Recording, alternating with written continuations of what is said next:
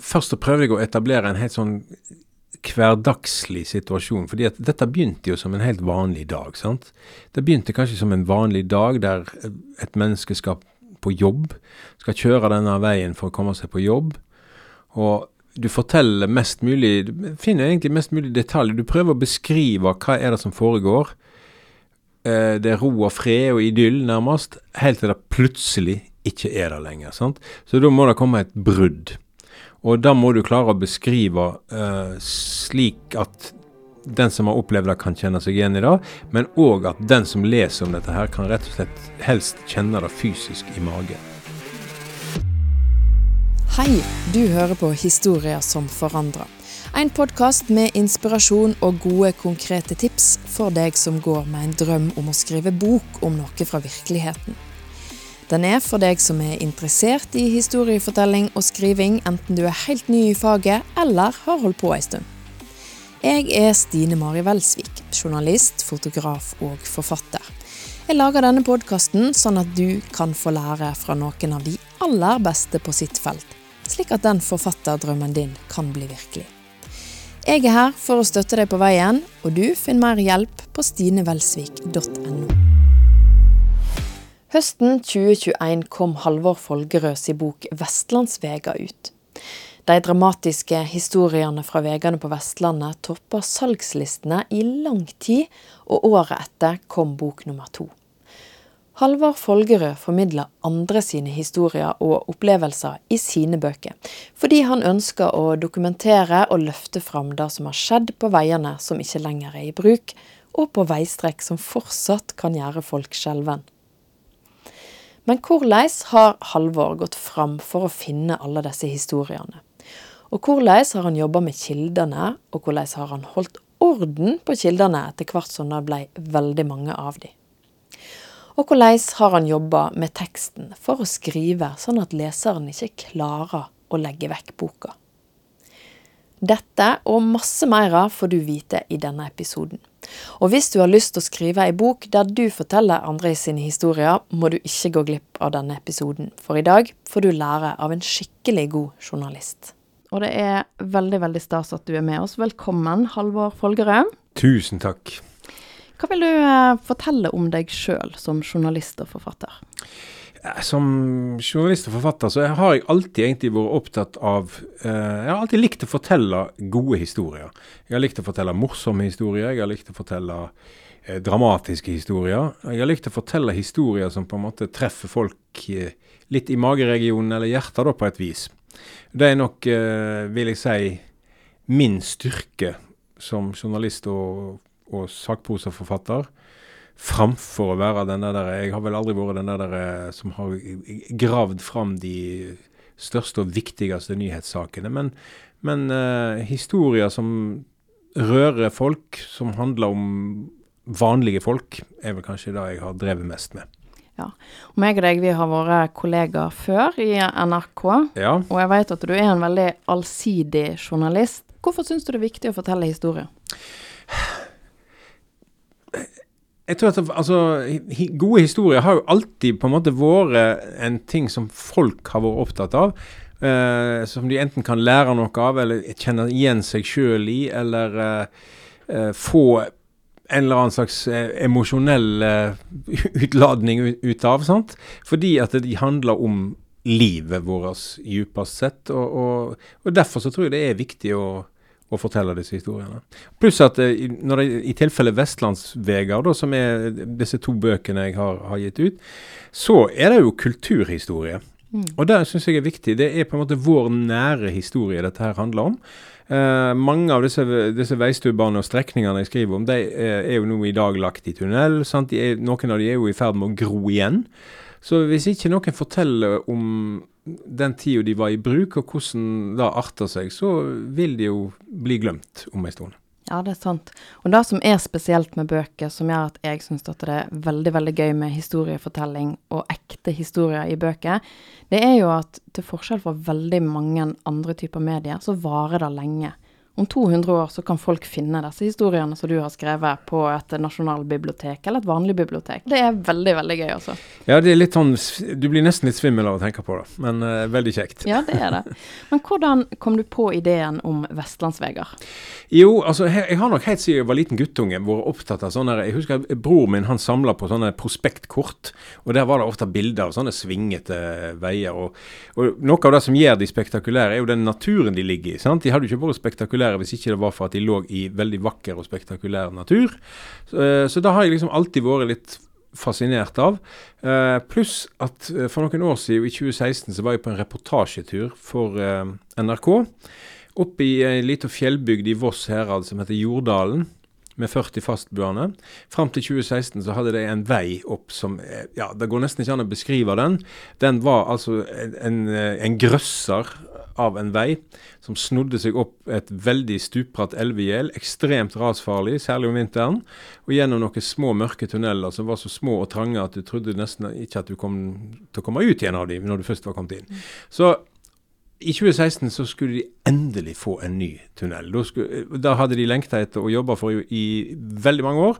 Eh, da skulle det bygges et småkraftverk nede i her gjelet som gjorde at de skulle få en ny vei. Da tenkte jeg at hm, den der gamle veien til Jordal den er jeg nødt til å dokumentere. for det er ikke, altså, det, Sånne veistubber er ikke det mange igjen av. Selv ikke på Vestlandet. Så jeg reiste opp og eh, sammen med en fotograf i NRK som du kjenner ganske godt. ja, vi er gift. ja, Alrik Welsvik. Ja. Og meg, vi lagde da en, et portrett av uh, den gamle veien til Jordalen. Og da de historiene jeg fikk høre av folk om hva de hadde opplevd der oppe, de gjorde et eller annet, det gjorde veldig inntrykk på meg. altså. Jeg snakket med ei mor som fortalte hun hadde sklidd både framlengs og baklengs med bilen full i unger ned i, nærma seg stupkanten. Han som hadde ansvar for brøyting oppi der, hadde ikke engang tørt å fortelle sine nærmeste om hva han hadde opplevd. sant? Fordi at eh, det var best at de visste minst mulig. Han hadde holdt på å bli tatt av ras ørten ganger. sant? Men kom seg alltid, klarte alltid i siste liten å komme seg inn i rasoverbygget eller komme seg unna på en eller annen måte. Og da tenkte jeg at eh, hadde jo, Hvis du går noen tiår tilbake, så hadde en, en del sånne veistrekninger på Vestlandet som folk, om ikke de var livredde, så hadde de iallfall stor respekt for. Og hadde kanskje litt sommerfugler i magen før en skulle ut og reise. Derfor så begynte jeg å, å undersøke. Jeg begynte å ringe rundt. Eh, fant noen kilder her og noen kilder der. Og den ene historien etter den andre eh, kom fram, og det viste seg at eh, jo, eh, jeg ble ganske trygg etter hvert på at her har jeg noe her har jeg faktisk en god idé. Så du begynte med research du, før, før, du var helt sikker på om du hadde en god idé? Ja, det ja. gjorde jeg. Jeg lagde en bitte liten radioserie til NRK en sommer, der jeg testa ut et par av disse veistrekningene. Eh, og da ble jeg, i løpet av arbeidet med det, så ble jeg sikker på at ja, her er det noe å gå videre på. Og da var i 2016 det her eh, frøet, den ideen ble sådd. Og så ja. gikk det da seks år jeg begynte å jobbe for alvor med research til bok sommeren 2019. Ja. ja. Kan du fortelle litt mer om idéarbeid? Altså, du har fått en idé, og du er journalist, så du hadde en plattform å teste ut her på. Og du hadde begynt å grave litt. Ja. Fortell litt mer, for boka di, den, den uh, har ikke du henta ut av ditt eget hode. Du har jo fortalt andre sine historier, som jo egentlig hvem som helst kan gjøre. Ja. Men det er jo et um, krevende, eller det er jo òg et metodisk arbeid? Det er et metodisk arbeid, og for, for å si det sånn, ideen er jo henta ut av mitt hode, men fortellingene er jo ikke mine, de er jo, de er jo andre sine. Uh, og ja, metoden uh, jeg begynte med, var jo rett og slett å ringe rundt til jeg fant transportører, altså transportbedrifter, som, som var lokalisert i eh, de forskjellige plassene som jeg hadde bestemt meg for å skrive om. Eller først så plukka jeg jo ut noen veistrekninger. Jeg tenkte med meg sjøl, hva er disse her spektakulære vestlandsveiene, hvis jeg skal finne noen eksempel på det? Jo. Men hadde du bestemt hva boka skulle være før du begynte med det, eller var det sånn mm, noe med vestlandsveier? Ja, jeg hadde, hadde, jo ikke Altså, veien blir jo litt til eh, etter hvert som en går. En, ja. en, en veit jo ikke hva slags historie en får ut. Men det jeg hadde bestemt meg for, var at eh, i tillegg til å prøve å fortelle eh, litt om hi historien bak disse veiene, hvordan de ble til og når de ble laga og sånn, så ville jeg ha et stort fokus på eh, historiene til de som har brukt veien, altså opplevelser som disse folka har hatt. Fordi at veiene er jo ikke noe mer enn I seg sjøl så er de bare ei stripe asfalt eller grus. Det som gjør de til noe mer enn ei stripe, det er de minnene som er knyttet til dem. Det er de fortellingene folk husker fra de veiene. Det er det som virkelig gjør de til noe mer. Mm. Og, og, eh, så, så da leter jeg nå bevisst etter, da. Ja, sånn, hvordan gjorde du det? Jeg ringte ja, La oss ta en, et eksempel. Da, en uh, veistrekning som heter Gamle Åkrafjordveien. Der kom det noen nye tunneler, lange tunneler som åpna i 2000. Og fram til 2000 så var dette en europavei som var altså eh, det, det, er en annen journalist som heter Jan Gravdal som har beskrevet det som et 24 km langt skårfeste. Ja. Og det er egentlig ganske godt sagt. Den ligger utpå høye kanter. Det er langt ned til fjorden. Det er smalt. Det er mange tunneler, små, trange tunneler. 40 tunneler, tror jeg, og 13 bruer, hvis jeg ikke husker feil. du, du, har nerda skikkelig på veien? Ja, jeg har nerda skikkelig, ja. Uh, og, uh, og, da ringte jeg altså først til en trailersjåfør mm. der nede. Spurte kan jeg få komme ned og prate med deg. Ja, det kunne jeg. Og etter hvert, etter hvert så jeg kom i gang og snakka med han, så hadde jo han opplevd forskjellige ting. Og så tipsa han meg om ja, har du, har du, spurt han der borte? Han husker jeg hadde jo en opplevelse der. Så ja, så ringer jeg til han. Og så tar det ene og det andre. For hver person du tar kontakt med, så får du kanskje tips om to-tre nye som du bør ringe til. sant? Mm. Men hvor mye sa du av hva du hadde tenkt å lage før du snakket med han? Nei, da, eh, Før jeg snakket med han første gangen, så visste jeg ikke så mye. Det var jo når jeg skulle lage den der lille radioserien. Så jeg spurte han vel egentlig om du, husker du, Hva husker du fra den gamle veien? Hvordan var det å være trailersjåfør og kjøre store, svære biler på den lille, smale, svingete veien? Jo da, det, det, var ganske, det kunne være tøft nok da, særlig på vinteren. sånn. Mm. Dette her var en rasfarlig vei. Så, så det var sånn jeg begynte. Det neste jeg gjorde, og det er jo en veldig Der har jeg fått utrolig mye god hjelp. Så det er jo et godt tips for alle som skal på en måte undersøke ting som, har, som, ligger litt tilbake i tid. Nasjonalbiblioteket. Det er en helt genial eh, nettside å gå inn på. Der kan du altså søke i Der ligger alt som er av gamle lokalaviser. og Der kan du skrive inn Hvis du skriver inn søke, søkeordet Åkrafjordveien, så får du jo opp alle treff som har med den å gjøre. Og Så kan du egentlig bare gå inn og lese. OK, dette handler om noe kjedelig. Det handler om uh, et eller annet som du ikke bryr deg om. Der var det en historie. sant? Der var det en historie om noen som opplevde et ras eller et eller annet dramatisk. Og så kan du lete deg videre derifra. Ja. Eh, du har jo en veldig stor fordel med at du er journalist, så du kunne jo på en måte ringe og si hei, jeg er Halvor og jeg jobber i NRK, og da vil jo kanskje folk snakke litt sånn i utgangspunktet. Eller hvis det ikke er noe veldig kontroversielt. Jeg kunne, jeg kunne, jo ikke si at jeg var fra NRK når jeg jobba med dette. Nei, nå, ikke når du jobber med boka, men Nei. når du begynte med den lille serien. Ja, da kunne jeg si det. Men, ja. men hvordan går du fram når du skal liksom eh, skrive ei bok og ta kontakt med folk, og, eh, og kanskje spesielt i de gangene det er litt vanskelig? En må rett og slett bare eh, ta mot til seg. Altså Jeg har et eksempel fra den siste boka, den som kom i, i høsten 2022. Eh, det er nok den vondeste og verste historien jeg egentlig har vært borti. Men eh, den foregikk oppe i Romsdal, eh, på en veistrekning som ligger mellom Åndalsnes og Innfjorden.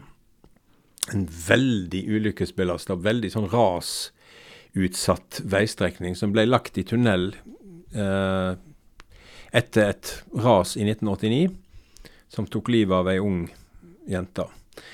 Da ble rett og slett veien stengt. Men fram til dess, den var bygd eh, sånn delvis under krigen, ferdig i 45. Jeg har aldri vært borti en strekning med mer av uh, hendelser, tror jeg. altså. Den verste og vondeste historien som jeg har vært borti i løpet av arbeidet med disse bøkene, den handler om en familie som jeg ble tipsa om, da, uh, som hadde mista to barn. Det var det jeg fikk vite. De kjørte utfor veien uh, og havna i sjøen og mista to unger, men en ble redda sjøl. Eh, så snakket jeg med en altså, Jeg kom med en person som fortalte meg at ja, han der der, han var jo med på redningsaksjonen. Så ringte jeg til han. Og ja, av han så fikk jeg vite hva de hette, disse folka. Um, så spurte jeg han tror, tror du at uh, tror du det går an for meg å, å bare kontakte de og høre om de vil fortelle om dette sjøl. Ja da, det kan du bare gjøre, sa han. Dette er veldig oppegående, fine folk, så det er bare å ta en telefon. Og så tok jeg imot til meg, og så ringte jeg til deg. Og da var jeg ganske sånn Ja, det, det er en ubehagelig telefon å ta. Men det gikk veldig fint. Det var utrolig fine, hyggelige folk som når, da, når, jeg fikk presentert hva som var ideen min, og hva, jeg, eh, hva, slags bok jeg holdt på med, så tenkte de seg om et par dager, og så eh, fikk jeg svar med at de kunne tenke seg å være med. Ja, for du lot hva, Hvordan ordla du deg, sa du? Kjente de til den første boka? Det tror jeg ikke de gjorde. Uh, men jeg sendte de vel en PDF av den første boka, sånn at de kunne få bla litt og, og se hvilken type bok det var. Jeg forklarte de at det her er jo egentlig en bok som der jeg forteller om forskjellige veistrekninger, der jeg samler forskjellige historier. Eh, både, det er både triste historier som denne, og det er mindre triste historier. Så, så dette her vil jo da være en av hovedhistoriene i dette ene kapitlet. Og ja. Ja, og da eh, så fikk de anledning til å tenke seg om? De fikk anledning til å tenke seg om, ja. ja.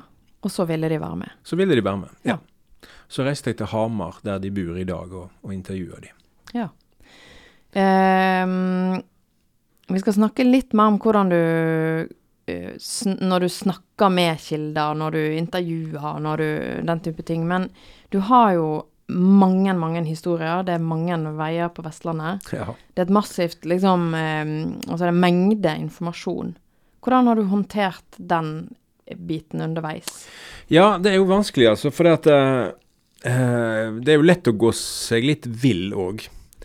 Uh, eh, da har jeg jo opplevd noen ganger, faktisk med det kapitlet som vi nettopp snakka om, der oppe i, i Romsdalen. Der var det så mange hendelser, og det var så mange ras at uh, i det første utkastet jeg sendte inn til min redaktør, da fikk jeg beskjed av henne at uh, dette er altfor langt. Du er nødt Og her er, jo, her er det så mange historier som er såpass alvorlige at den ene historien ødelegger, står på en måte litt i veien for den andre. Så her må du luke vekk litt. Så det måtte jeg gjøre, da. Mm. For det, du må på en måte finne en slags balanse. ikke sant? En kan ikke fylle en hel bok med sånne vonde historier som det der. Det går ikke. Nei, da blir det litt voldsomt. Da blir det litt uh, voldsomt. Du må, du må, hele veien prøve å, finne en balanse. Og så har jeg hele veien prøvd å skreve det slik at jeg uh, Jeg starter kanskje ut med en litt sånn personlig refleksjon. Altså min egen opplevelse av å kjøre eller gå denne veien her. Jeg prøver å beskrive litt hvordan det ser ut.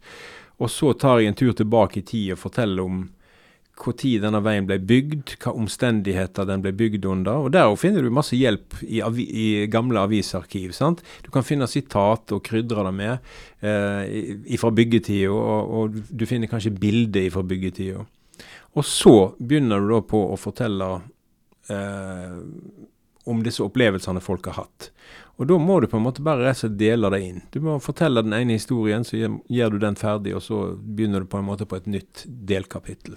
Var du flink til å holde orden? Sånn, eh, en må jo henvise til alle disse kildene da, på et punkt, sant, når boka er ferdig. Ja da. Hadde du et godt system for det?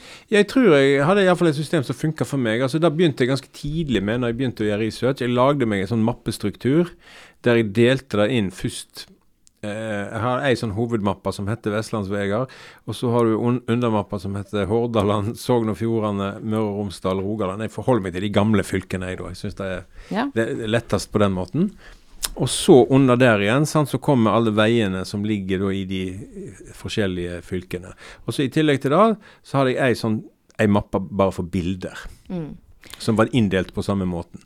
Og da var jeg jo egentlig nødt til å, jeg var nødt til å gjøre det slik for å klare å holde orden i mitt eget hode. altså. Ja, for hvis en begynner å rote med kilder når du har så mye forskjellig innhold som du har, så får du et problem, altså. Ja, og jeg lærte jo enormt mye av den første boka, da, eh, når det gjelder uh, kildehenvisninger. Jeg har jo aldri, altså På det tidspunktet hadde jeg aldri skrevet ei sakprosabok.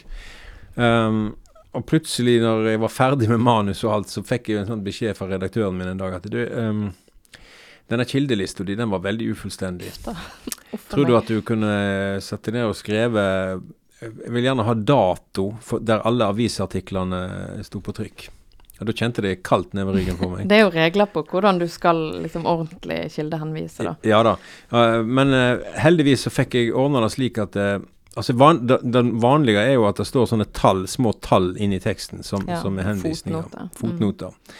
Men det syns jeg er litt sånn eh, på en måte så forstyrrer det litt leseopplevelsen at det står så mye sånt underveis. Så jeg har på en måte bare samla det kapittelvis, men der står òg alt utførlig oppgitt. Ja, det er mange måter å gjøre det på, men hele poenget, da, det som er eh, grunnen til at det er viktig å huske på det her, også òg når du driver og redigerer i teksten, det er jo det her med at eh, hvis noen vil, så skal de jo kunne liksom gå deg litt etter i sømmene og se at det du har gjort, faktisk stemmer. Da skal de. Ja. Og da, da, lurer jeg litt på, når, når du har intervjua folk, da, sant? Eh, hvordan har du, eller har, har du, og hvordan har du sjekka eh, historiene deres? Mm. Altså, er, er, de troverdige, disse kildene? Altså, hvordan har du jobba med den biten? Ja, altså, jeg har valgt, og da, da skriver jeg òg i forordet, at når det gjelder historiene som eh, folk forteller om det de har opplevd, så må jeg på en måte, med så mange historier som jeg har her, så forteller jeg deres historie slik de husker det. Jeg ville aldri hatt sjans til å gått inn og, og kryssjekka alle disse historiene her med uavhengige kilder, slik, eh, slik, som en vanligvis skal gjøre i journalistikken hvis du skal presentere en uh, kritisk nyhetssak om et eller annet. Men dette er på en måte det er historiene slik de har fortalt de til meg. For det er en veldig viktig ting når du sier nå, at du, du setter jo òg eh, i arbeidet med ei bok, eh, og med liksom non-fiksjon eller sakprosa, så skal det jo være faktisk og ekte, det skal være ordentlige historier. Men det du har gjort, er jo å sette på en måte premisset for hva for en type bok det her skal være. Ja.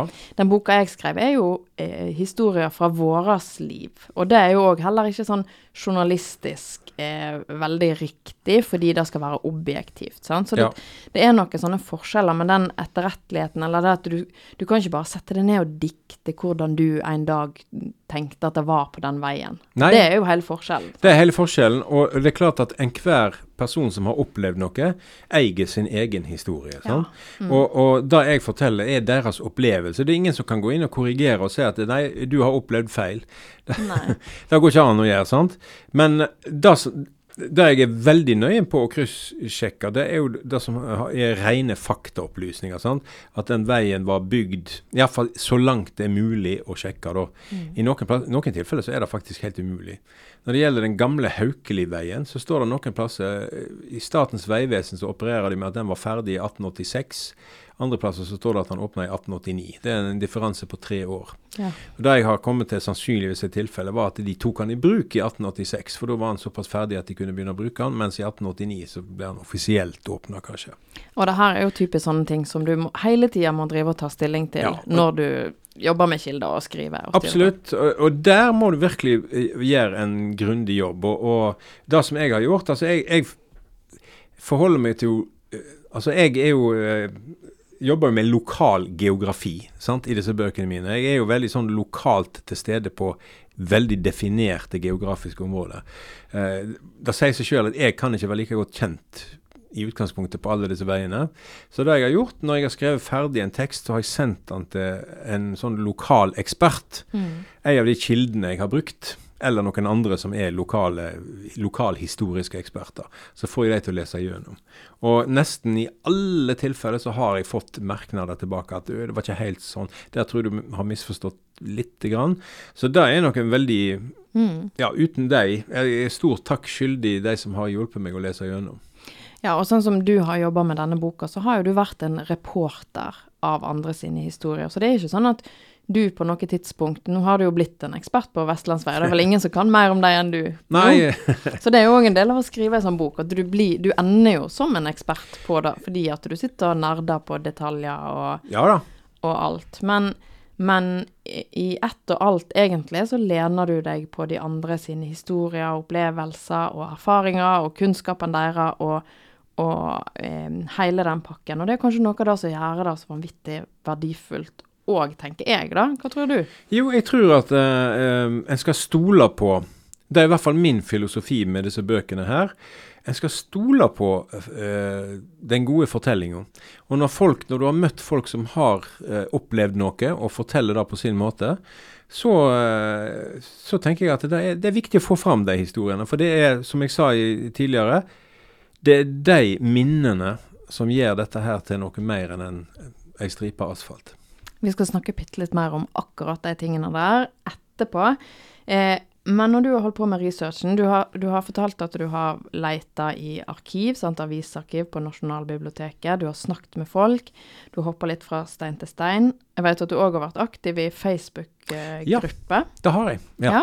Hvordan har det arta seg? Jo, det arter seg på den måten at uh, på Facebook der finner du ganske mange grupper av typen du veit du er fra Etne, eh, prikk, prikk, prikk, f.eks. Eller gamle bilder fra Rauma. Historiske bilder fra Innfjorden. Eh, Volda, f.eks. Sant? Ja. Sånne eh, lokale grupper for folk som er fra, fra disse plassene. Eh, og Hvis du da legger ut et innlegg der med et bilde og forteller eh, hvem du er og hva du jobber med, og ber folk tipse deg, så får du i mange tilfeller veldig mye gode tips. Mm. Men du må sjekke de. Det- Ja, for der må du ha kildekritikk. der må du ha kildekritikk. For da er det jo slik at eh, folk tipser om ja, det skjedde en historie sånn og sånn. Der var det en bil med fem stykker som kjørte utfor, tror jeg, og sånn. Og så finner du kanskje fram til eh, den aktuelle hendelsen, så viser det seg at det var ikke fem, det var tre. Og det var ikke på 70-tallet, det var på 60-tallet osv. Så, videre. så det, det, det skjer jo noe med historier som blir utveksla på folkemunne eh, når det har gått ei tid. Hukommelsen blir litt sånn lett eh, Ja. ja, ut, tåkelagt, kan vi si. Så da er det viktig å finne fram til de det faktisk gjelder, dette her, og, og snakke med dem. Selv om du har vært journalist i mange år og jobber med mange forskjellige saker, eh, så har du kanskje lært noe av denne bokprosessen, for det er jo en mye større prosess enn eh, en vanlig nyhetssak, f.eks. Ja. Eh, I forhold til kilde og den type arbeid, hva har du lært mest? Jeg har lært Altså Noe av det aller viktigste er jo det der at de som du bruker som kilde, og særlig de som da Spesielt de som bidrar med egne nære, personlige opplevelser og historier, de må få lov å se gjennom det. Det, det, du må være veldig Du kan aldri være ordentlig nok, på en måte, i, i eh, form av å la folk få lese sin egen historie. For det er viktig at de skal stå inne for den. De skal eie sin historie. Dette her er, altså Jeg er, som du sier, den, den jeg, I de, tilfellene er jo jeg bare en formidler av deres historie. Og da er det viktig for meg at det blir gjort ordentlig, og at de er fornøyd med det. Mm. Så det er nok kanskje Hvis du spør hva jeg har lært mest av når det gjelder kildearbeid, så vil jeg si at da er det kanskje det aller viktigste. Ja, og der er det òg en veldig stor forskjell på en nyhetssak som er veldig forgjengelig, som du kan rette opp neste dag. Du kan ikke trykke et helt opplag på 3000 bøker fordi at Kåre var litt misfornøyd med sin historie. Så du må gjøre den jobben grundig. Ja, den må du gjøre grundig. Du, får ikke noen ny sjanse. Det er fort gjort. Men hva, hva Du har jo eh, gitt boka ut på Samlaget, og da har du hatt en redaktør, og forlaget har jo et ansvar òg i en bokutgivelse. Men hva, hva er din opplevelse av ansvarsfordeling, på en måte, eh, når det gjelder eh, alt det som har med kilde og kildearbeid og etterrettelighet og alt det der å gjøre? Nei, Der er nok min opplevelse, og sånn må det sikkert være også i et sånt tilfelle som dette. Det er jeg som har hatt kontakt med kildene, og det er jeg som har funnet kildene. eh, og det er jeg som til sjuende og sist må ta på en måte ansvaret for at det som står her, er riktig. Fordi at det, ja, du blir jo ekspert, som du sier. sant? Eh, jeg kan ikke forvente at uh, en redaktør på en måte kan sitte og overprøve og, og, og, dobbeltsjekke alt. Det, det går ikke. Sånn er det nok i, i de fleste tilfeller. Og det som er, at hvis, du, hvis den slurver på en måte da, eh, eh, med ting som blir veldig feil, altså at den ikke er så nøye sant? Feil kan jo skje, Ja. selvsagt, men det er jo på en måte grader av feil, da, hvis det Ja. Eh, så vil det jo på en måte slå tilbake på deg sjøl. Sånn at dette her er jo kanskje i, i liksom sakprosalitteratur, nesten uansett hva form det har, så er jo det her med å være litt sånn nøye med grunnlaget du legger for de historiene du forteller, veldig, veldig viktig. Ja. Så det er mye å si for kvaliteten på boka di, da. Mm. Og en er jo livredd. altså Sjøl hvor grundig eh, jeg har gjort sjekkearbeidet, så må jeg si av og til så våkner du litt sånn svett om natta med plutselig Å, Å, herregud, var det virkelig sånn? Har jeg sjekka det? Hvor, hvor, har, hvor var det jeg hadde det fra? Og er dette her virkelig tilfellet? Jeg, jeg, tror at disse her systemene som du snakket om, sånn har en god struktur og liksom vite hvor henne du kan gå tilbake og finne ting hele veien, altså helt fra start, da vil jo òg være en veldig sånn god måte å kjapt kunne sjekke. Absolutt. Og en, et veldig godt tips som jeg lærte på den harde måten, eh, som jeg tok med meg videre til bok to, det er når du, hvis du henter ut et klipp, utklipp fra gamle aviser, merk da med nøyaktig med dato og utgave osv. Ja. ja. Det kan virke litt omstendelig der og da, men selv om du ikke bruker det, så bør du vite hva er det her, og, fordi ellers så blir det rot. Du blir i tvil. Du blir i tvil. Mm. Det holder ikke å skrive Dagbladet i januar 1956. Du må vite hvilken dato det sto på trykk. Ja. Boka di den er jo også full av bilder, og ja. det er jo noe av det som eh, gjør den så iøynefallende og så flott. Eh, hva har du lært om bruk av bilder i boka? Hvordan har du gått fram for å få tak i alle disse bildene? Ja, altså det var jo på en måte Det var et ganske langt, langt lerret å bleike. Når jeg begynte med dette her, så, så, så søkte jeg bare rundt omkring. Du, du, du, begynner jo rett og slett med et Google-søk, ja, ja. og ser hva som dukker opp. Og så finner du jo ganske fort ut at uh, det er en del arkiv der du kan søke på. Um, digitalt fotoarkiv, f.eks. Nasjonalbiblioteket igjen har jo òg uh, bildearkiv. Og så er det da å kontakte kildene dine. Alle kildene som du bruker, spør, de, de må du spørre. Har du det gamle bildet fra dette området her? Og så må en jo finne ut av hvem som har tatt bildet. og i hvert fall, i størst mulig grad prøve å finne ut av det. Det er jo slik at bilder som er over en viss alder, de er til fri bruk. Det må de være ganske gamle? Ja, det må være 70 år, mer enn 70 år siden uh, han som tok de, gikk bort. Ja. Mm. Og så har jeg da i tillegg til det uh, samarbeida med en fotograf som har tatt nye bilder. Når jeg skrev den boka, da, så opplevde jeg at forlaget eh, la egentlig alt ansvaret for hva bilde som skulle inn, og hva bilde som ikke skulle være der, og hele, hele pakken eh, på meg, da. Jeg fikk frie tøyler. Jeg syns det var veldig fint til å bestemme ja. hvordan den biten skulle være i boka. Hvordan var det i ditt tilfelle? I utgangspunktet så har jo jeg jo fått veldig frie tøyler, og det er jo på en måte jeg som har eh, funnet fram til iallfall brorparten av bildene. Og så har jeg da eh, kobla forlaget etter hvert på i sluttfasen på den første boka så fikk jeg med en som hjalp meg med å hente inn de altså bildene i riktig oppløsning. Og han hjalp òg veldig til med å finne opplysninger om bildene. Altså hvem, hvem har tatt de, og hvordan er det med denne rettighetsproblematikken.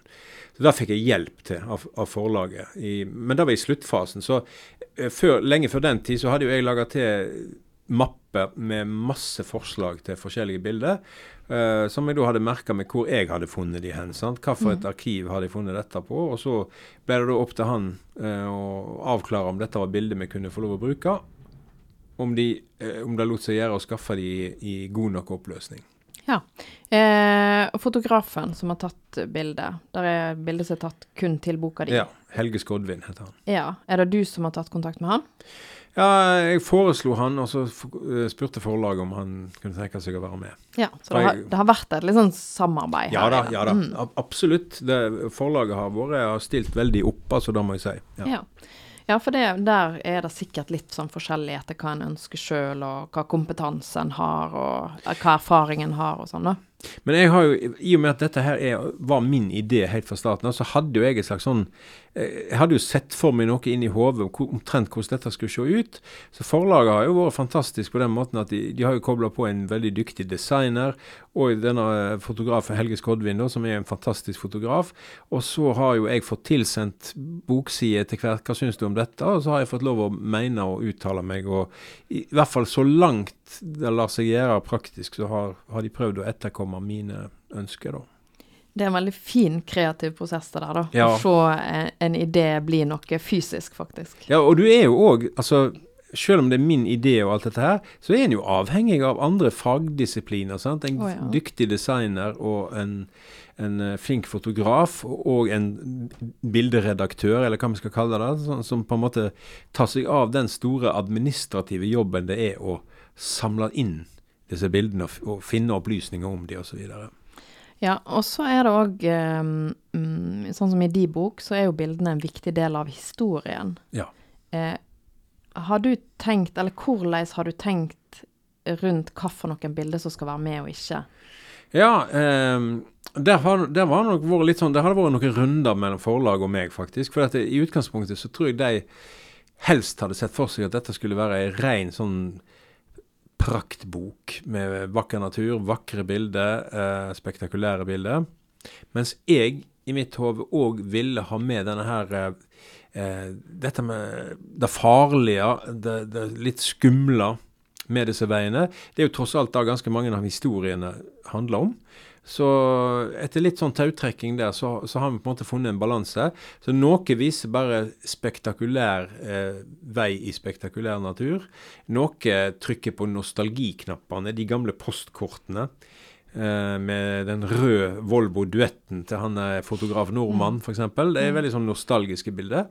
Og så har du da noen actionbilder som er tatt i forbindelse med eh, ulykker eller hendelser som har skjedd. da. Men uh, bruk av bilde er jo ikke gratis. Du kan jo sitere fritt fra andre sine bøker, og du kan sitere i vilden sky, og det koster ingenting. Men å bruke bilde, det koster uh, fort penger. Hvem ja. er det som tar den regningen? Det er forlaget. Ja.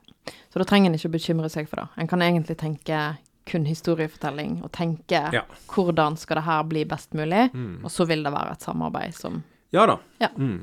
Som lander godt. Du har fortalt om hvordan du har funnet mange av disse historiene. Hvordan du har uh, eh, jobba med ideen fra du tenkte hm, kan dette bli ei bok, til at det faktisk ble ei bok. Det som er eh, veldig både fint, men òg vanskelig med non-fiction, er jo at det skal være ekte. Men for at du skal kunne berøre med en historie, så må den jo treffe noe, sant? Og Det betyr at du må jo jobbe ganske godt med historiefortellingen. Og du har vært inne på det flere ganger, det her med at det, det, er dramatisk, og folk forteller sin opplevelse, og du, du har liksom skulle si, hinta litt om det underveis. sant? Mm. Men hvordan har du jobba med historiefortellingen når du ikke kan dikte noe? Du må tilpasse deg til det som en gang skjedde, det som en gang var. Jeg har prøvd i størst mulig grad å sette meg inn i plassere meg sjøl inn i hodet på de som, som, har opplevd disse tingene. Først har jeg jo intervjua de, så jeg har jo fått historien. Jeg har gjort opptak med historien, sånn, så den har jeg lyd av. Så sitter jeg og hører på dette, og så når jeg skal fortelle det, så må du på en måte finne det riktige innslagspunktet. sant? Ja, Hvordan tenker du rundt det? da? Nei, eh, i tilfelle eh, når, der det er snakk om dramatiske historier, så prøver jeg å etablere på en måte prøv, først så prøvde jeg å etablere en helt sånn hverdagslig situasjon. fordi at dette begynte jo som en helt vanlig dag. sant?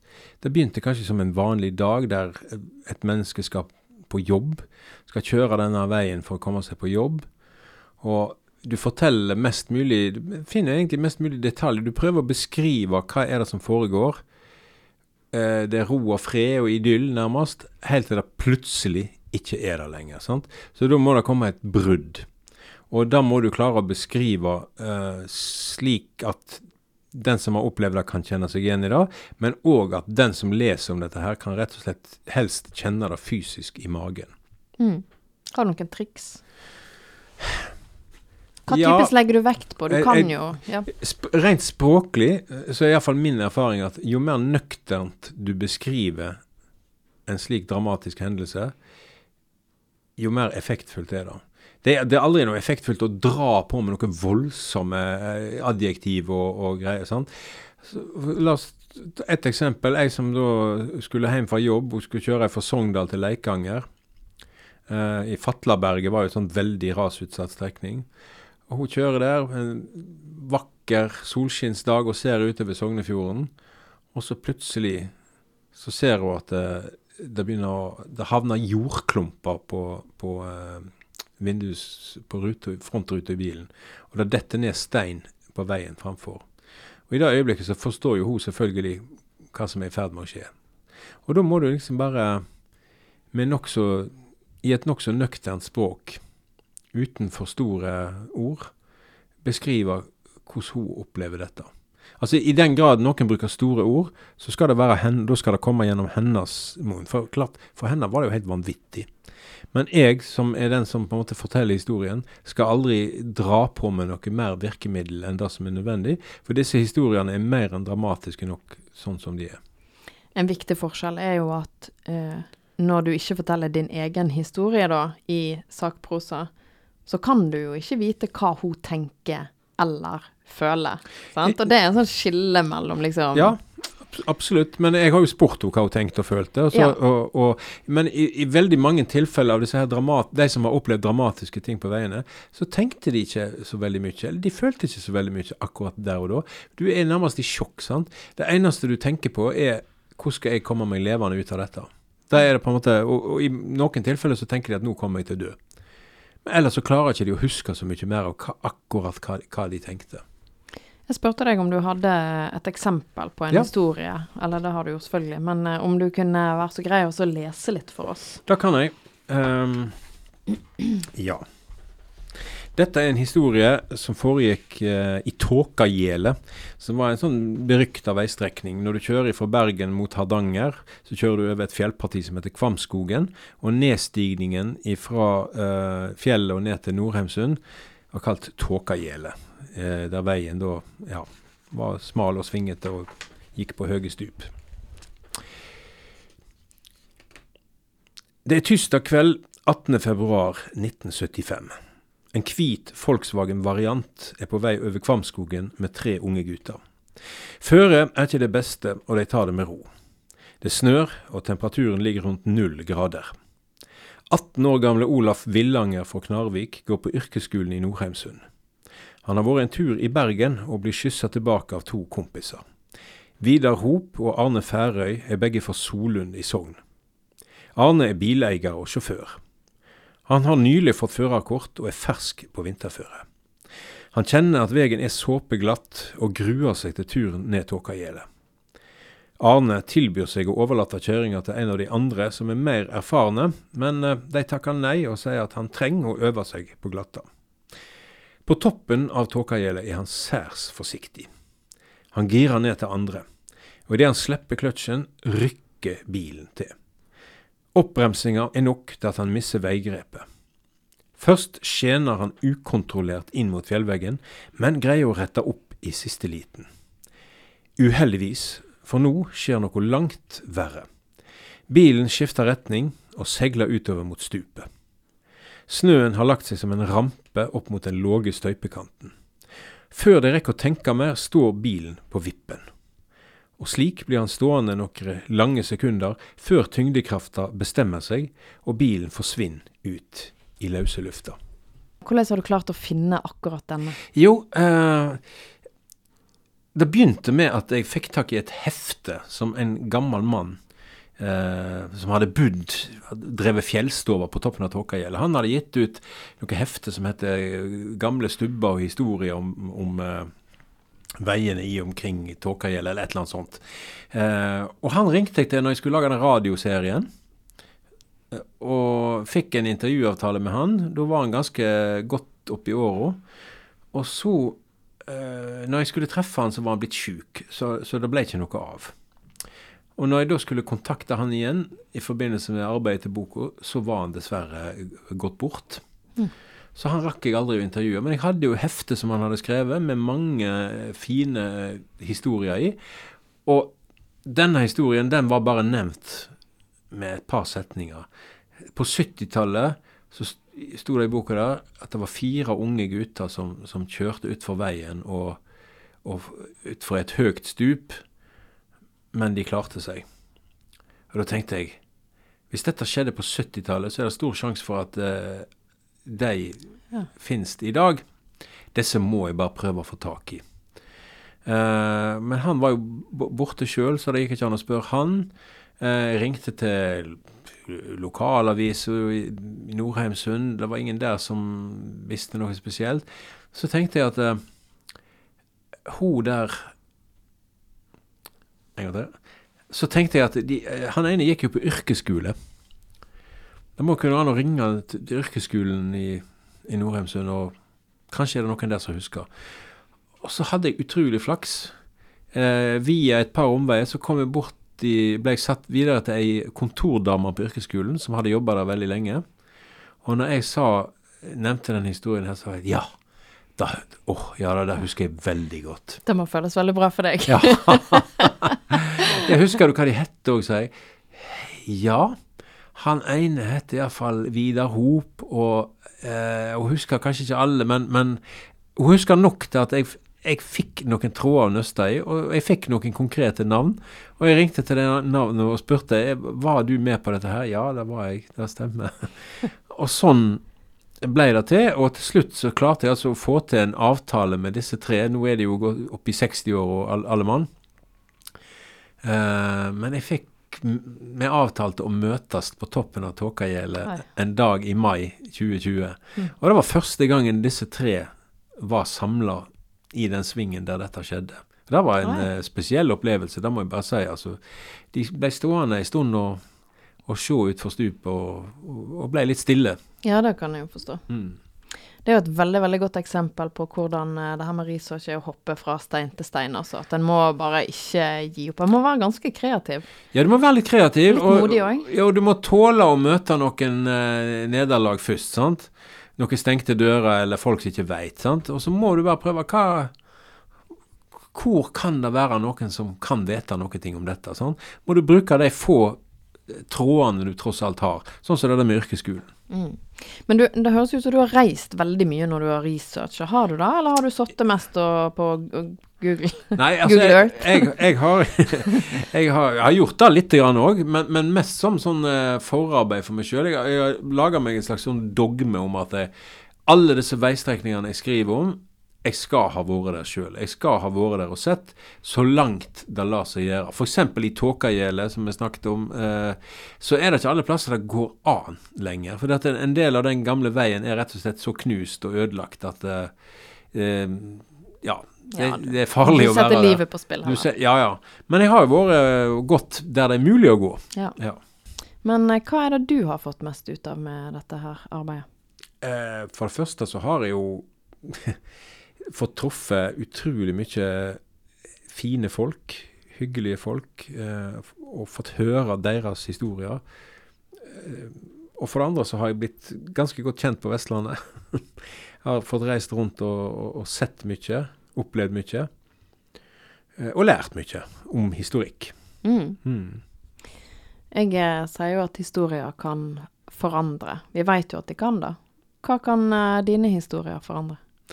Nei, det kan eh, i hvert fall i første omgang forandre folk sitt syn på det å ferdes eh, rundt omkring. Det er jo alltid sånn sant, at hvis du veit mer om et område, så er det mer interessant å oppsøke det. Hvis noen tar en stopp ved en av disse gamle veistrekningene, og enten, altså Noen av de kan du jo kjøre med bil, andre kan du gå eller sykle på så ved å ha lest disse historiene her, så, så vet du plutselig noe mer om uh, her, her, har da og da skjedd. Sant? Her har det foregått sånn og sånn. Da, da blir det jo mer du får, Det blir en større opplevelse å oppsøke disse plassene, da.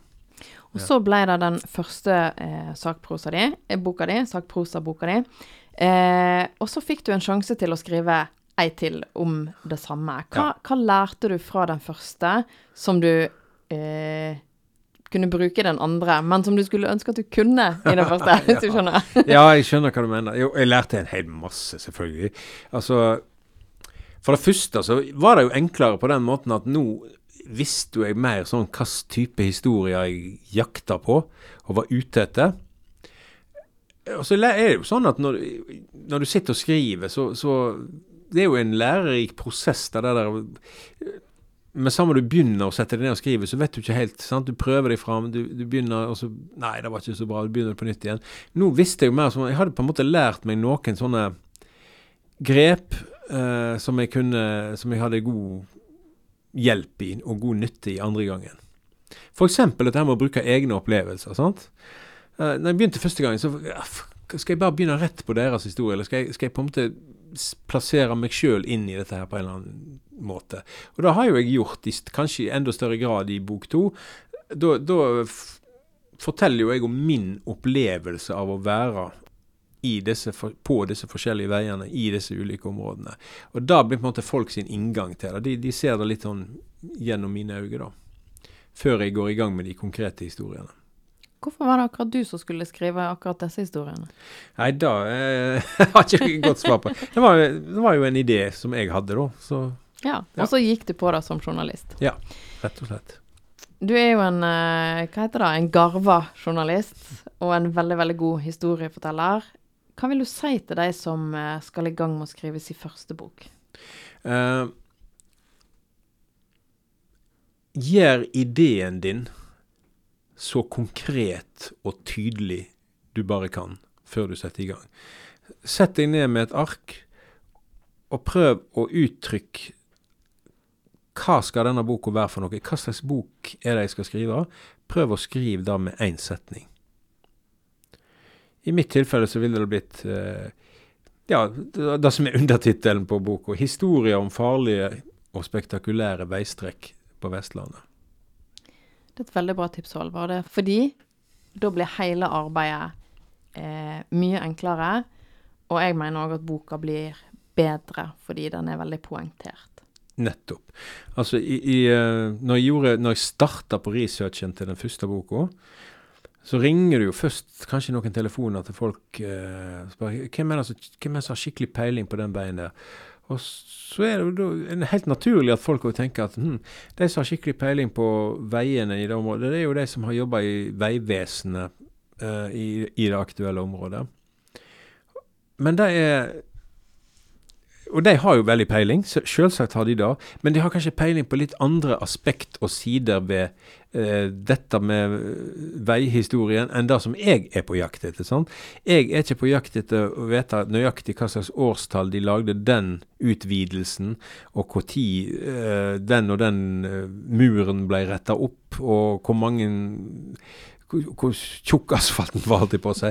Altså, det finnes jo massevis av uh, fakta om sånne ting, hvis en vil. Men mi, mine bøker er beregna på vanlige lesere som ikke har spesielt peiling verken på hvordan du bygger vei eller noe ting. Så eh, det var ikke ei fagbok for veiingeniører jeg skulle lage. sant? Og Derfor så var det kanskje andre kilder enn de som jobber i Statens vegvesen jeg, jeg har lagt størst vekt på. Ja, og det akkurat det her som vi snakker om nå, det er kanskje en av de aller, aller viktigste tingene å ha eh, klart for seg eh, før en begynner. Altså, fordi at du kunne skrevet ei bok om Vestlandsveger som var helt annerledes. Oh, ja. Og det er jo derfor det finnes så mange bøker om det samme temaet, fordi du har bare en annen vinkel, en annen måte å se det på. Ja, det var en jeg husker jeg, jeg, jeg En forfatter og journalist uh, som jeg eh, kjøpte noen bilder Jeg fikk tak i noen bilder uh, av han som han hadde brukt i en bok tidligere. Og han bare lurte på Ja, men skal ikke du skrive om eh, eh, Jeg har en bok om, om hvordan du går fram for å bygge sånne tørrmurer som de gjør. Vil, vil ikke du høre mer om det?